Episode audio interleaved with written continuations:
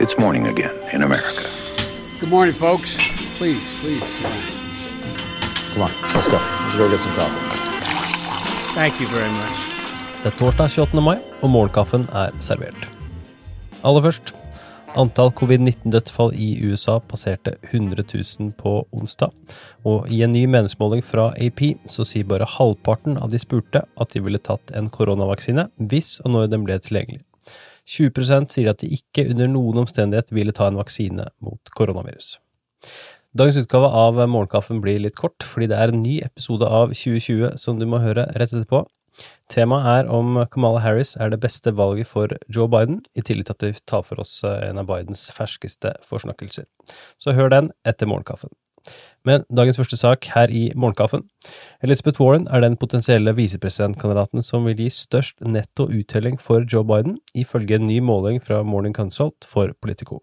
26% sier altså at Warren som visepresidentkandidat gjør det mer sannsynlig at de vil stemme på Biden, mens 23% sier at Warren som visepresident gjør det mindre sannsynlig at de vil stemme på Biden. Velger Biden Kamala Harris, som vi diskuterer i ukas utgave av VP Audition i 2020, så vil 22% av respondentene i målingen være mer interessert i å stemme på ham, mens tilsvarende tall for Amy Klobuchar og Stacey Abrams er henholdsvis 19 og 16% På en ny nasjonal måling fra Firehouse Strategies så leder Joe Biden over Donald Trump med 11 prosentpoeng, 54-43.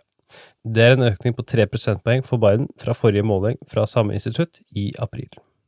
Helt til slutt, etter Twitters faktasjekk av to av Trumps twittermeldinger på tirsdag, så meldte presidenten i går at mange republikanere mener at sosiale medier-plattformer knebler konservative stemmer, og antydet at det kunne være aktuelt å innføre reguleringer på slike plattformer fremfor å la dette skje.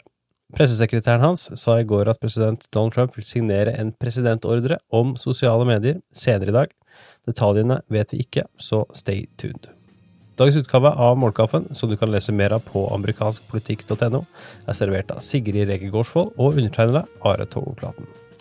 Som sagt, få med deg 2020, så snakkes vi i morgen.